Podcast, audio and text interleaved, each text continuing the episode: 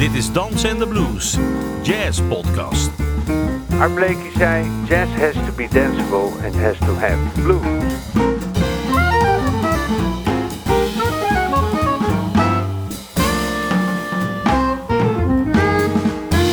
Je luistert naar een aflevering van Dansen en de Blues.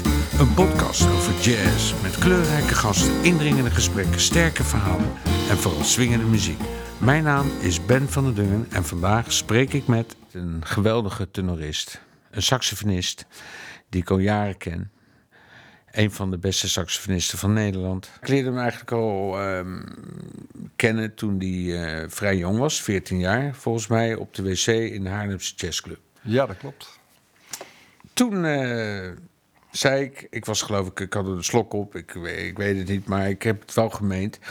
Van nou, jij wordt vast gewoon een van de beste saxofonisten, zo niet de beste van Nederland. Dat is Simon Richter uit Den Haag.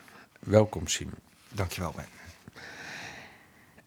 Ja, ik. eh, we zijn eigenlijk behalve collega's eh, eh, op de saxofoon ook collega's in het lesgeven. Ik ken je als collega zeg maar in, op het Rotterdams Conservatorium en nu geef je al jaren les in Amsterdam.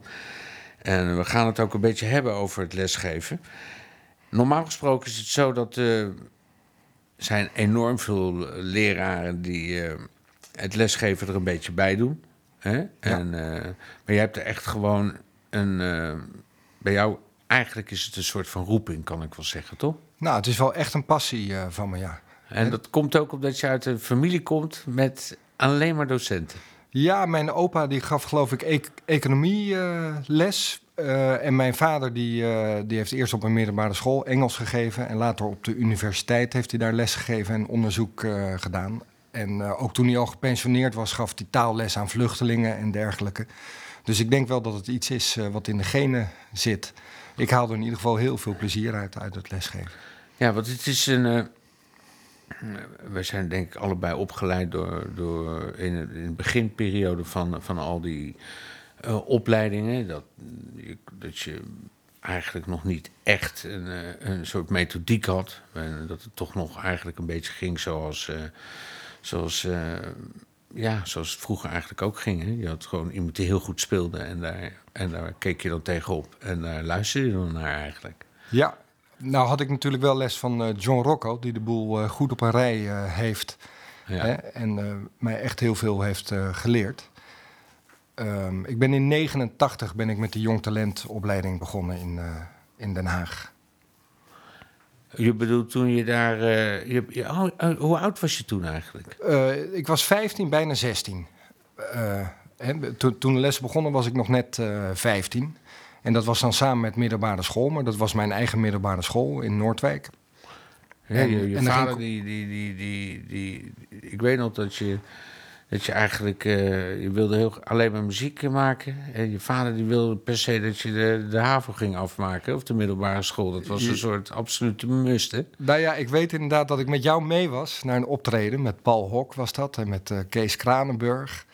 En eh, mijn vader kwam me halen en die zei inderdaad... hè, hij moet wel eerst even zijn school afmaken. En toen, toen zei jij, ja, maar ja, dat hebben Ruud Brink en Fred Leeflang... en Fernand Povel en eh, jij zelf geloof ik ook niet gedaan.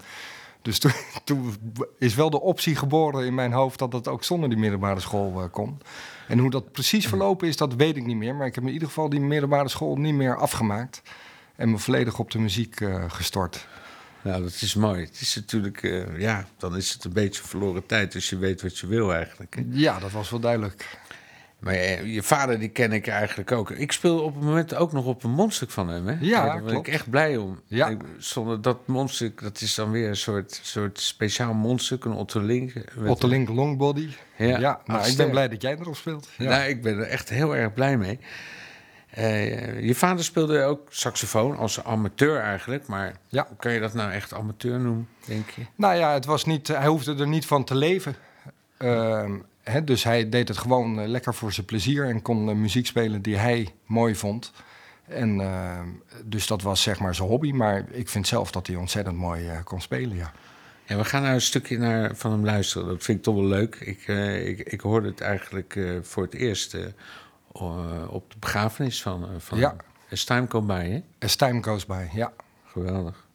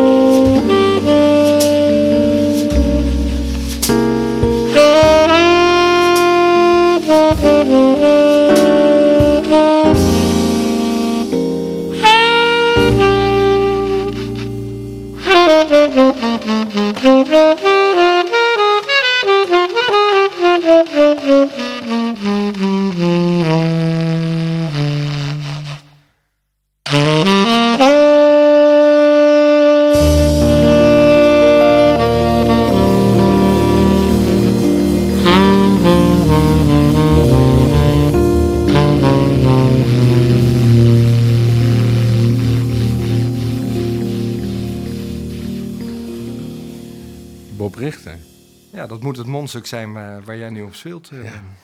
Dat klinkt beter dan ik. Klinkt in ieder geval heel goed. Ja. Ja. Nou, we gaan het over het lesgeven hebben. En waarom eh, wil ik dat? En, en, en, en denk ik dat dat eh, leuk is om te doen. Niet zozeer vanwege het lesgeven, maar eigenlijk om, om, om, om een soort kijkje in de keuken over hoe dat improviseren nou gaat. Want het is toch een soort raar soort mystificatie. Hè? Dat je, je gaat ergens staan en ja, dan gebeurt het allemaal. En je bent creatief en dan reageer je op mensen. Maar het is natuurlijk een soort een soort muzikale taal die je eigen maakt. Die waarschijnlijk iets anders is als hoe je klassieke muziek leert. En ik denk dat als we een beetje gaan praten over het lesgeven, dan dat dat een heel goed inzicht geeft eigenlijk in, in hoe dat proces nou werkt. Ja, tegenwoordig hebben we natuurlijk de conservatoria. Maar eh, voordat het conservatorium er was, eh, leerde men elkaar ook eh, hè, over die muziek. Dus dat ging vaak, had iemand een held en dan gingen ze daar gewoon naartoe. Of ze gingen hem nadoen, of ze gingen dingen vragen. Ik kan me bijvoorbeeld ook nog herinneren dat mijn vader wou een bibop-themaatje leren. En dan zei Fred Leeflang, oh, maar die ken ik wel. Dan kom je toch een middagje langs. Hè, er was niet dat er even een partijtje werd ge-mailed. Maar dan ging mijn vader langs Fred. En dan ging Fred eh, dat heel geduldig eh, eh, aan mijn vader leren. Hè, dat themaatje ging dan zo van mond op mond, zou ik maar zeggen. En zo ging dat in die oude tijd natuurlijk ook. Hè. Was al op die 52nd Street. Ze luisterden allemaal naar elkaar en ze, ging, ze, ze kwamen allemaal bij elkaar dingen vragen, dingen nadoen. Het schijnt dat toen Dizzy in de Cap Calloway band zat, dat ze in de pauzes gingen ze naar de zolder of zo, waar een piano stond. En dan stond iedereen om Dizzy heen. En dan ging hij al die harmonie eh, ging hij, eh, ging hij uitleggen. Ehm, eh, al, die, al die mooie dingen die ze in de bebop gebruikten, daar wist, wist niemand wat van. Maar Dizzy die wist op een of andere manier al die dingen. En dat deelde hij met de rest. Ehm, eh, Maar het is wel zo. Als je, als je nu heb je het over uitleggen. Hè? Dat betekent dus dat er altijd één iemand is die het dan weet. Maar dingen gingen waarschijnlijk ook au- auditief. Ik kan me zo voorstellen dat, dat, dat als je in New Orleans eh, eh, woonde, dat, eh, dat je, je hoorde dan gewoon opeens iemand dat spelen. En, en je denkt, zo, dat wil ik ook spelen. Dus het je- is natuurlijk een taal, hè, dus je kopieert dat. Net zoals dat Ja. wij hebben leren praten van onze moeder. Hè, je doet gewoon je moeder na. En dat, dat, dat is natuurlijk de manier om die muziek te luisteren. Hè, om, om elkaar te kopiëren en dingen over te nemen. ja, en waarom een- zou je het ook moeten begrijpen ook? Weet je wel? Ja, In dat hoeft ook eerste- helemaal niet per Nee. se. Nee. Dus als het goed klinkt, dan klinkt het goed. En op een gegeven moment komt er natuurlijk wel zo iemand zoals Dizzy... die dan al die dingen bij elkaar legt. Ja, maar in die swingperiode was dat waarschijnlijk veel. eh hè, dan hadden ze het niet over theoretische dingen, kan ik me zo voorstellen. Hè, maar dan was het echt bij, door imitatie dat ze, dat ze leerden. Er is trouwens een heel leuk eh Lesse Jong in eh, interview waar hij vertelt over zijn eh, invloeden.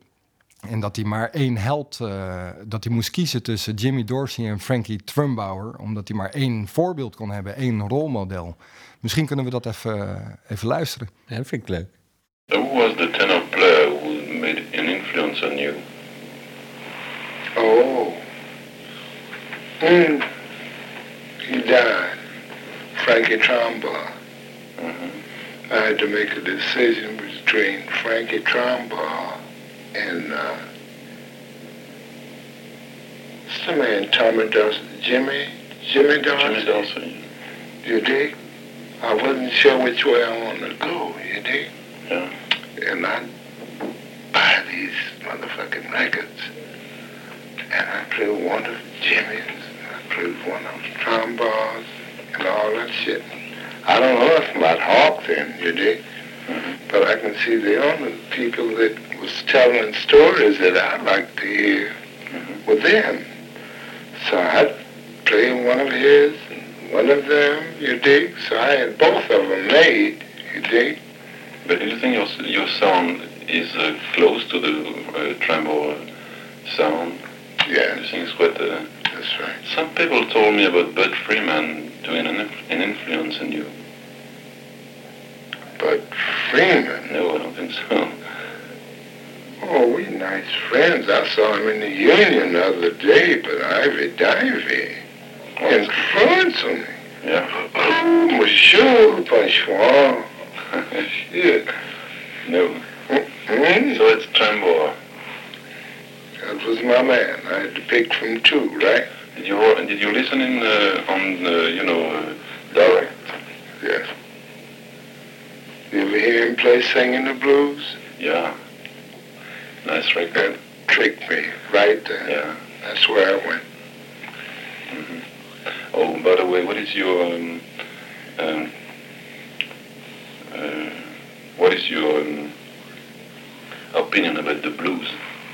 Blues? Great big eyes. Because if you play with a new band like I am, you know, working around, Mhm.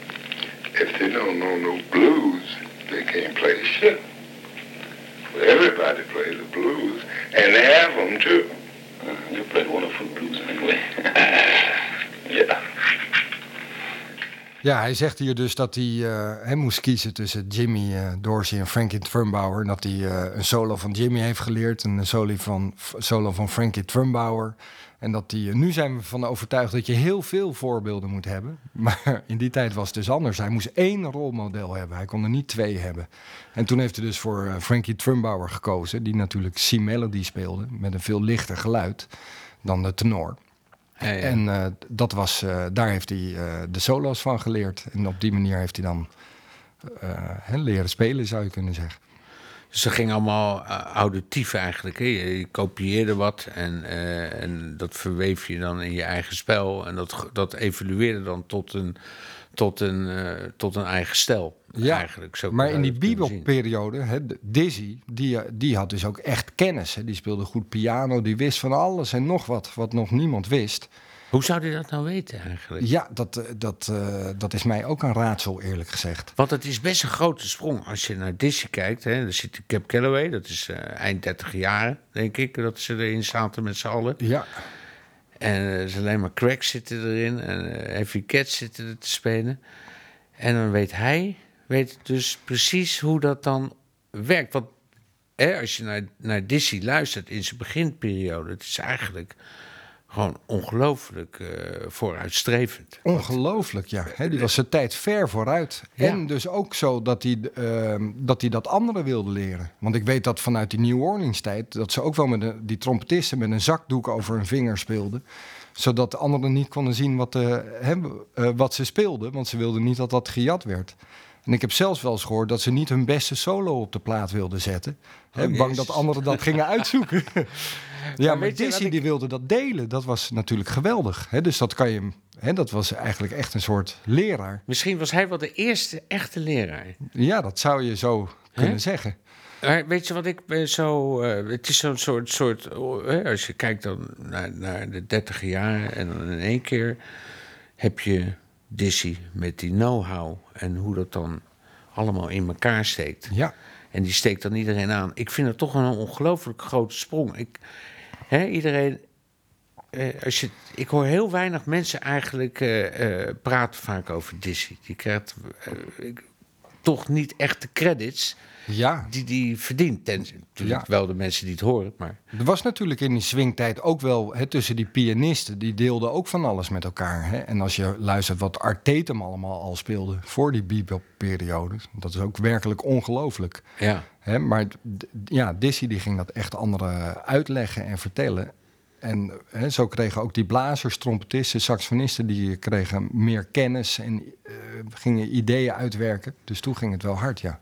Maar zou hij, zou hij dit soort, zou hij die conversaties met, met, met, met Parker, dat zou ik wel eh, ik zou er wel bij gewild willen zijn, weet je? Dat ik denk van, hoe zou dat dan gewerkt hebben? Ik Ja, bedoel, dat, had ik, daar zou ik ook wel heel graag bij geweest willen zijn. zou Ja. hij het verteld hebben aan Parker? Of zou, Parker het... Ja, Parker was een enorme natural natuurlijk. Maar ze Ja. zeggen inderdaad dat, hè, dat Dizzy hem wel eh, dingen heeft uitgelegd. En Dizzy zegt ook dat Parker, die had, die had de frasering en hoe je de dingen speelde. Hè, de, de, ehm, de manier van spelen echt. En Dizzy had zeg maar de inhoud. En dat samen, dat is eh, echt die nieuwe stijl geworden. We gaan even een stukje naar Dizzy luisteren. Ja. Dat is met James Moody, hè? Ja, met James Moody. Eh, something Old, Something New heet die plaat. Dat is een jeugdplaat van mij. Die stond gelukkig gewoon in de platenkast van mijn vader. Good bait.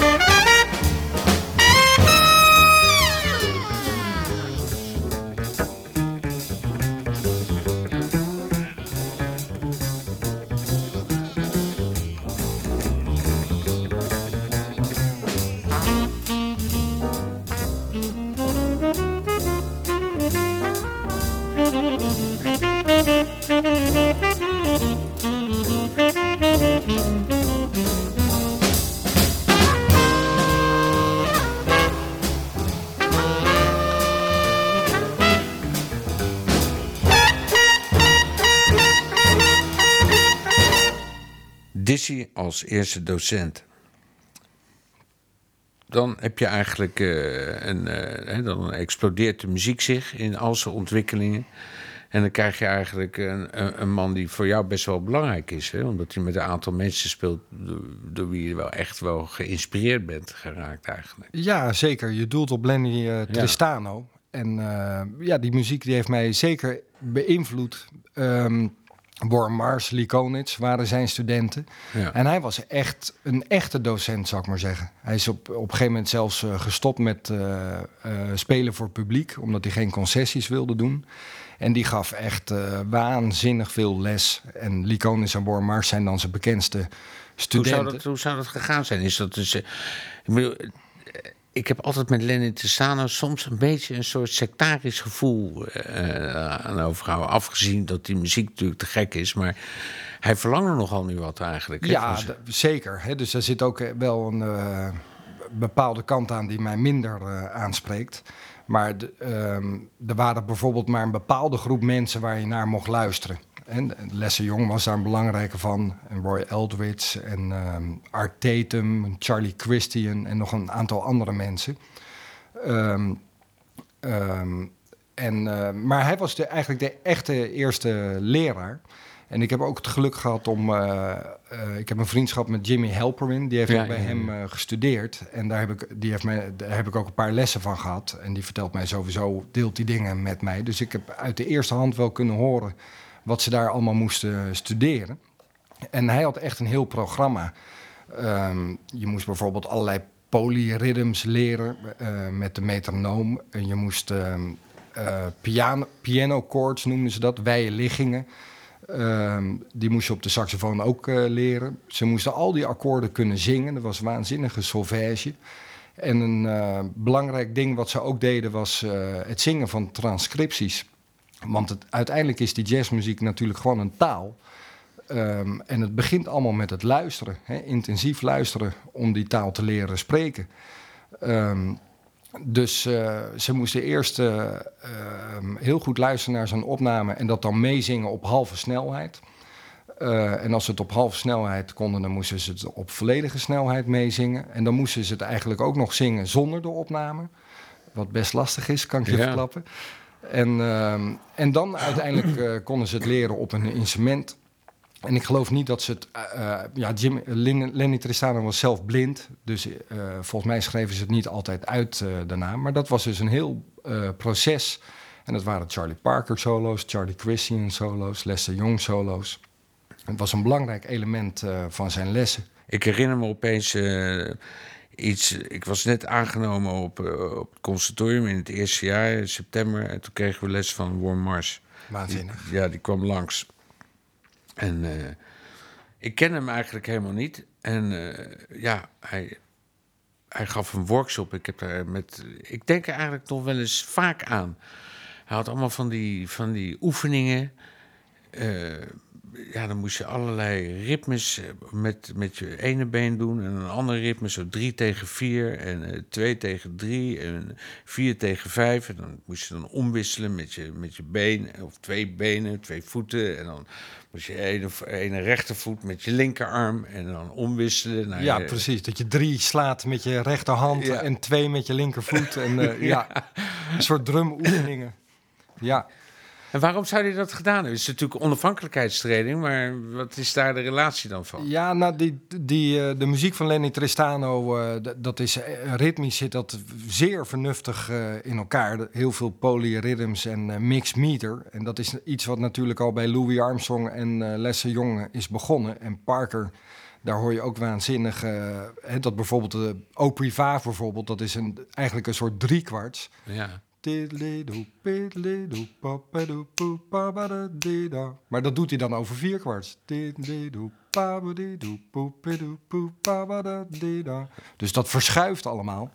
En ehm, dat zijn natuurlijk oefeningen die komen van drums. Maar dat, dat moesten ze inderdaad op die manier leren. En zo inderdaad ook die wijde liggingen, dat, wat ze pia piano chords noemen. Dat is iets van de piano, maar dat moest je op saxofoon ook, eh, ook leren.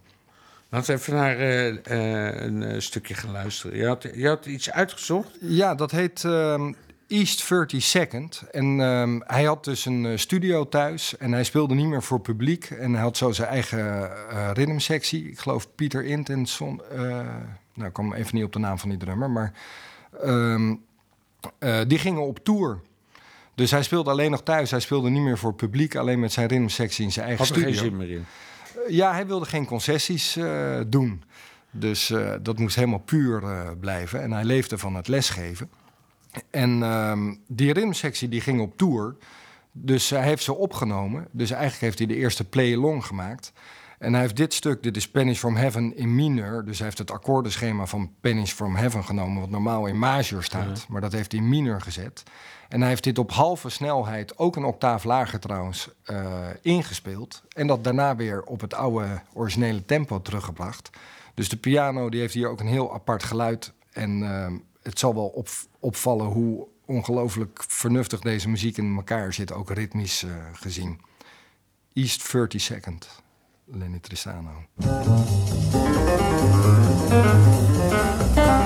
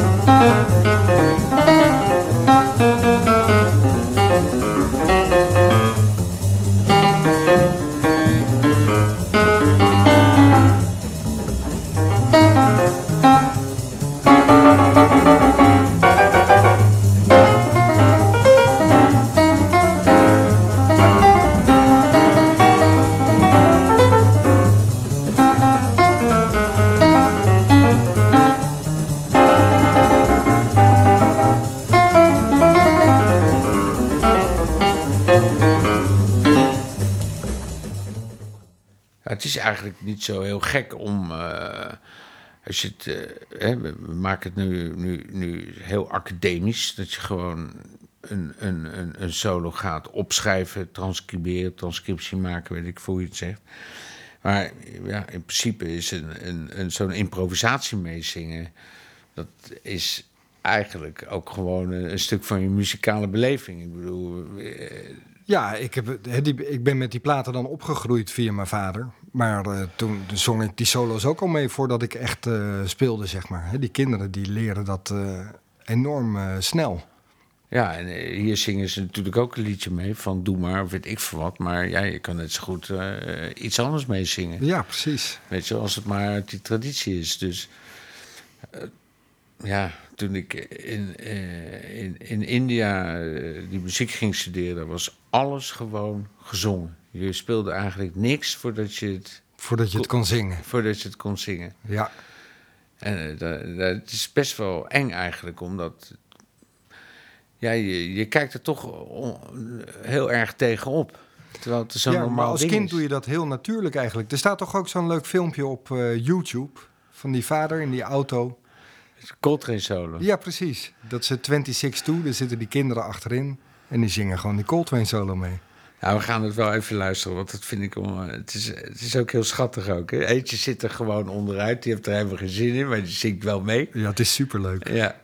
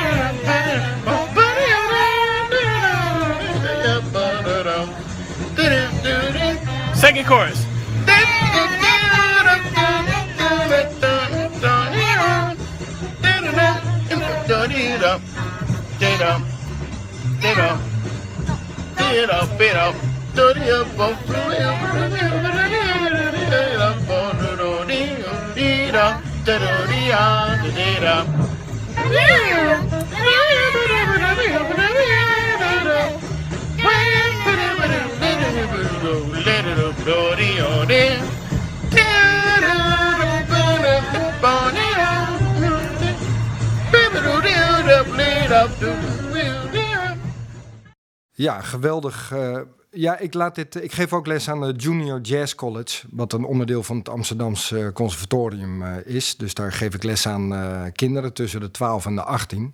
En daar doen ze dit ook als huiswerk, leren ze gewoon die solo's meezingen. En ik heb een paar opnametjes meegenomen. Ehm, dit is een opname van Louis Armstrong, Hotter Than That. En is een nieuwe student in Amsterdam, eh, Mila Lichthart. Ze is 14 jaar en ze doet het geweldig. En ik zeg, eh, kan je die Louis Armstrong solo leren zingen? Ja, prima. En dan kwam ze de volgende week en toen heeft ze gelijk die hele track.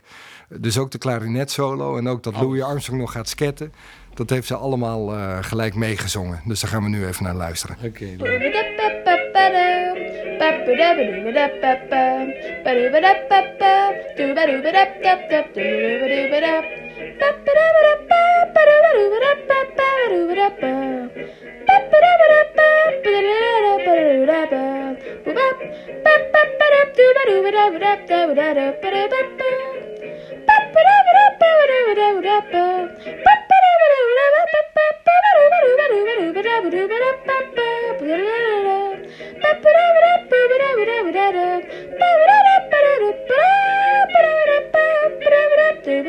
Bye.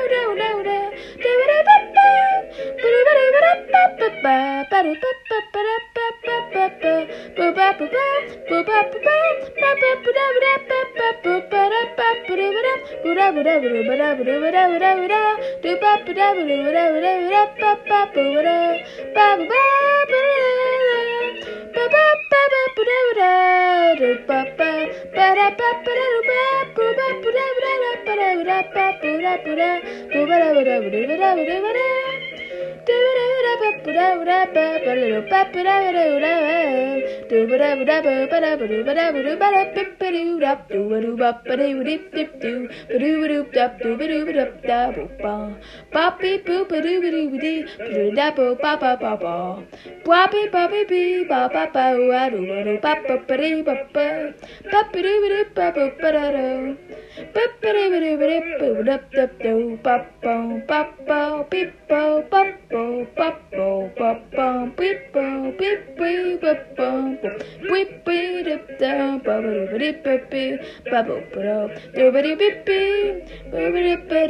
Wow, babu doop doop doop doop wow wow. Baby doop wow wow no. Baby doop doop wow wow no. Baby doop doop doop doop doop.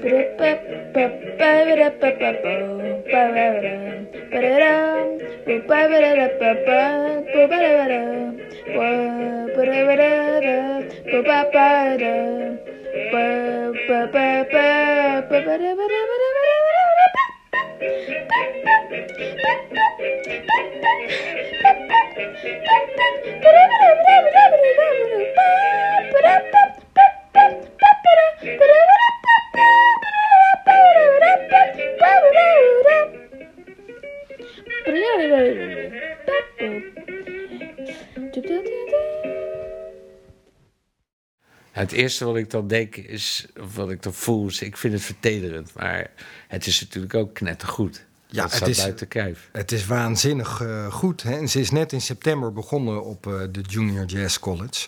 Maar het is een hele serieuze eh, jonge dame. Die is nu al echt heel, heeft een heel duidelijk doel voor ogen. Ze is gek van Paul Desmond en Charlie Parker. En ehm, ik heb die toonladders maar even aan haar genoemd gewoon. Hè? Dat je dat in tertsen, drieklanken en vierklanken. Maar dat heeft ze toch gelijk al nu al gedaan. De majoladders in alle twaalf toonsoorten. Hè? Dus dat is iemand die is al heel doelgericht en serieus eh, aan het studeren.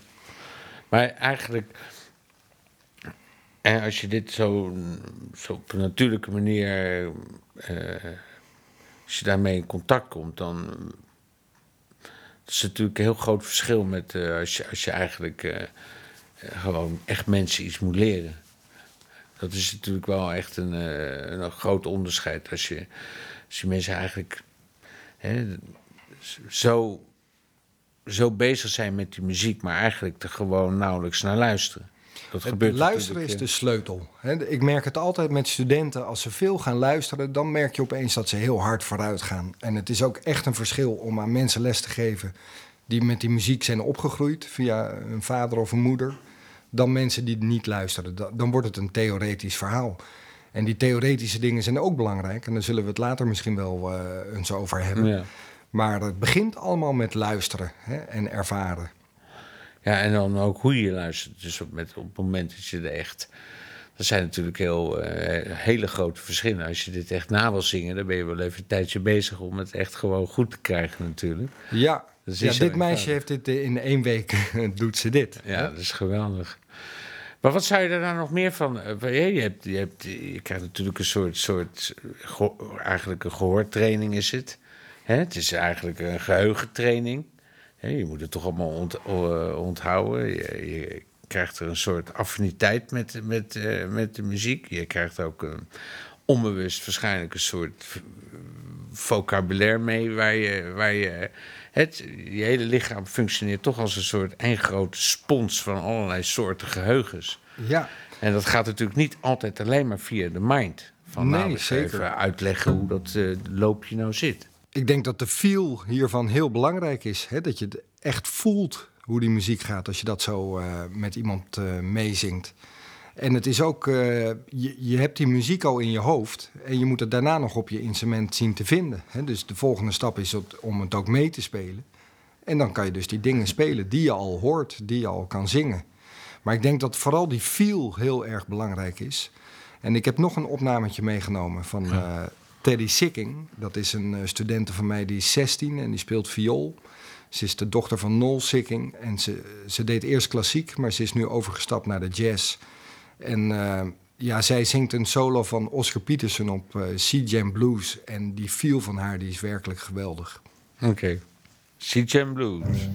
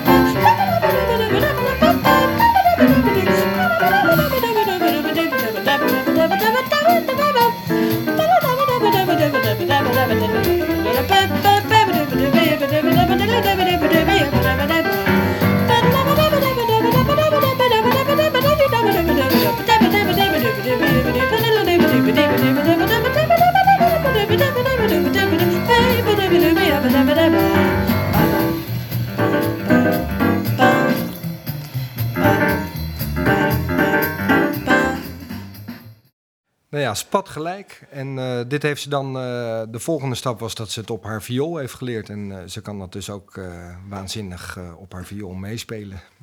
Spat gelijk. Goed, dan heb je zo'n transcriptie gedaan. Heb je meegezongen. Hè? Ik bedoel, dat is nog niet echt het, zeg maar de, de, de transcriptie. Ik bedoel, zou, je zou het dan eigenlijk nog moeten uitbouwen met je hebt dan zeg maar je kan het dan op je instrument spelen en daarna moet het verder. De, hè? Want als je alleen die solo hebt, ja, wat dan? Nou ja, de, je, hè, de volgende stap is dat je inderdaad eh, kan gaan analyseren. Wat gebeurt er nou eh, precies allemaal? En er zijn ook allerlei tools of devices of wat voor woord je daar maar aan wil eh, geven. Wat, wat Die je ontdekt in die solo. Ja, wat je in die solo ontdekt. En dat zijn dus ideeën wat die mensen hebben gestudeerd en wat ze op allerlei manieren toepassen. Dus uiteindelijk, sommige mensen leren gewoon een lik van zo'n transcriptie. En sommigen leren hem dan ook nog in alle twaalf. Maar je kan het ook het idee achter een bepaald iets, hè, achter een bepaald loopje, daar zit misschien een bepaald idee wat je kan uitwerken en kan studeren. En waar je je eigen draai aan kan geven. En als je dan veel van die solo's hebt, eh, hebt, eh, uitgezocht, dan kom je waarschijnlijk ook achter de ontdekking dat eh, veel van die dingen ook allemaal op elkaar lijken. Hè? Van dezelfde zelfde, eh, speler. En dat is best wel verhelderend. Hè? Je hoeft niet altijd gewoon iets compleets nieuws te maken, eigenlijk. Nee, eh, zeker. Ik denk sowieso dat eh, hè, improvisatie is natuurlijk een heel belangrijk onderdeel van jazz. Maar het is ook niet, nog niet eens per se het allerbelangrijkste onderdeel. Want die oude swingmuzikanten of die mensen uit Louis Armstrongs tijd... Het schijnt dat die gewoon aan het improviseren waren... totdat ze iets vonden wat echt goed werkte. En dan bleven ze dat gewoon spelen. Ja. Hè, maar er dat is wel gebeurt een soort. Ja, er er is Ja. wel een soort vrije manier om daarmee om te gaan. En ik, eh, ja, sommige mensen die denken dat ze elke keer iets nieuws eh, moeten verzinnen. Maar ik doe ook wel eens met studenten luisteren naar een Parker solo. Ik had onlangs bijvoorbeeld Yardbird Suite. En dan had ik die opnames van Dean Benedetti, wat live is opgenomen. En ook de studioversie. En dan neem je bijvoorbeeld de tweede maat. En dan kijk je wat hij daar speelt. En dat basisidee is eigenlijk hetzelfde. Hij Maar- komt steeds terug. Steeds terug, maar hij weet het steeds ook wel weer op een spontane en op een andere manier te spelen. Dus hetzelfde op een andere manier kunnen spelen. Waardoor het toch anders klinkt. Ja, zeker. Maar om te kan, kunnen variëren, hetzelfde op een andere manier te spelen, dat is volgens mij heel essentieel van jazz.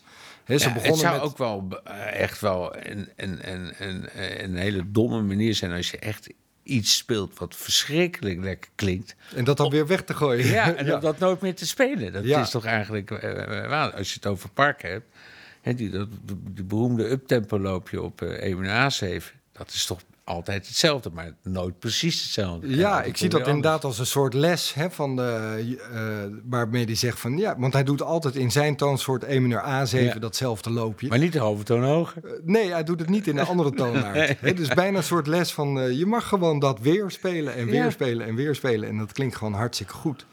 Maar dat variëren, ik denk dat dat op die manier ongeveer begonnen is. Je hebt een melodie en die speel je nog een keer, maar een klein beetje anders. Hè? En dan weer en weer. En eh, dat is eigenlijk uit de hand gelopen tot, tot je hele Coltrane solo's eh, krijgt. Dat zouden ze bij klassiek eigenlijk ook eens moeten doen eigenlijk. Steeds een beetje anders. Of zou dat ook zo werken? Ik denk dat ze dat ook eh, doen. Ik ben er te weinig in thuis. Maar ze spelen natuurlijk, hè, wat daar op papier staat, dat speelt iedereen toch net anders. Ja. Als je, ik, ik kan me herinneren, op een gegeven moment kwam Dave Liebman op school. En die, die begon uit te leggen. Die draaide trouwens, eh, eh, als ik het goed heb, een, een, een solo van een leerling van eh, Sonny Rollins, Sonny Move for Two. Die, die hele lange solo op die blues, weet je wel. Dat Ja. hij de hele tijd met dat motief zit. En eh, dat vond ik ongelooflijk toen, ik dat voor, toen ik dat hoorde. En hij vertelde zo eigenlijk eh, een, een soort manier van hoe, dat dan, eh, hoe, die, hoe die, hij dat dan zeg maar onderwees eh, tijdens zijn lessen. En eh, dat kwam erop neer. Nou, inderdaad, hè, eerst luister je ernaar en dan zing je het mee. En eh, dan ging je het eigenlijk analyseren van, nou, wat gebeurt er nou precies? En dan schreef je het op. En dan begon je met dat materiaal, begon je eigen materiaal te maken eigenlijk. Hè. Dat ging je gewoon op een andere tel beginnen. Of je combineerde dingen, of je maakte er een systeempje van. Dat je daardoor, zeg maar, je eigen studiemateriaal eh mee maakte. Dat kon, eh, dat kon vrij extreem gaan. En op een gegeven moment, eh, dan ja, was het klaar. En een strikje erom en naar de volgende. Ik vond het eigenlijk verhelderen. Ik deed eigenlijk precies hetzelfde. Althans, min of meer. Precies hetzelfde waarschijnlijk niet, maar ongeveer kwam het er wel op neer. Maar ik vond het eigenlijk geruststellend dat, eh, dat, dat, eh, dat iemand dat zomaar uitlegde. Want dat wordt toch. eh, ja, daar kom je niet zelf, zeg maar. op om te, te bedenken dat dat ook normaal is. Je hebt toch altijd van die vragen van... is dat wel... zou dat wel goed zijn? Ben ik wel goed bezig? Ja, gaat het eigenlijk wel de juiste kant op? Ik bedoel, hoort dat wel zo? Ja. Dave Liebman heeft trouwens ook les van Lenny Trestano gehad. Dus hij heeft dat waarschijnlijk ook in die les moeten, in die les, eh, moeten doen. Maar ik heb inderdaad ook een keer een workshop van hem eh, hier in Den Haag gehad. En toen liet hij die eh, Tenor Madness met Coltrane en Sonny Rollins. En er was één student van hem. En die klonk dus exact zoals Rollins op die Rollins solo. En exact, exact zoals Coltrane op die Coltrane solo. En dat deden ze ook op halve snelheid, kan ik me nog herinneren. Hey, laatst is even een, een zijstapje. Is die Andrew Wright die is overleden. Dat is die eh, dat is een saxofonist die, eh, die heeft al die Coltrane solos opgeschreven. Oh, ja. Tot en met Love Supreme. Kan je je voorstellen? Ongeveer 100, eh, 100 LP's Ja. en elke solo. Ja, je kan ook doorslaan natuurlijk. Maar volgens mij heb je maar een paar transcripties nodig. Soms kan je met één maand, eh, uit één maand, kan je zoveel ideeën halen en kan je zo op variëren. Zo ben ik van die, eerste maand van die Billy's Bounce solo van Charlie Parker, daar ben ik eh, al 30 jaar eh, mee bezig. Ehm, daar kunnen we misschien in een volgende podcast. Ja, zeker, zeker, zeker. Het gaat natuurlijk om, om, om het feit dat, dat, dat het, het, het meebeleven, mee ervaren van deze muziek, dat, dat, dat doe je door luisteren en eh, door het gewoon mee te doen. En dat kan, kan voor een, voor een eh, liefhebber net zo goed werken als voor een, een muzikant. Het werkt eigenlijk precies hetzelfde. ja, dit is gewoon een hele organische, natuurlijke stap om die muziek je eigen te maken. Echt als een taal. Bedankt Simon, top dat je er was. Als afsluiter gaan we nog luisteren naar een versie van Daydream van jou met het Dutch Jazz Orkest.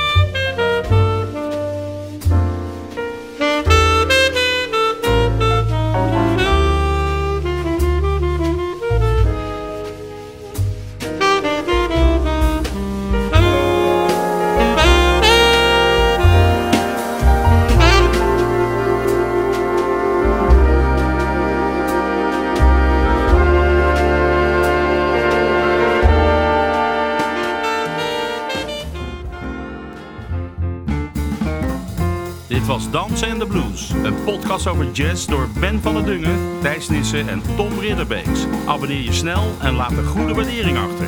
Wil je meer weten? Kijk dan op dansenendeblues.nl en volg ons op Instagram en Facebook. Dankjewel voor het luisteren en tot de volgende keer.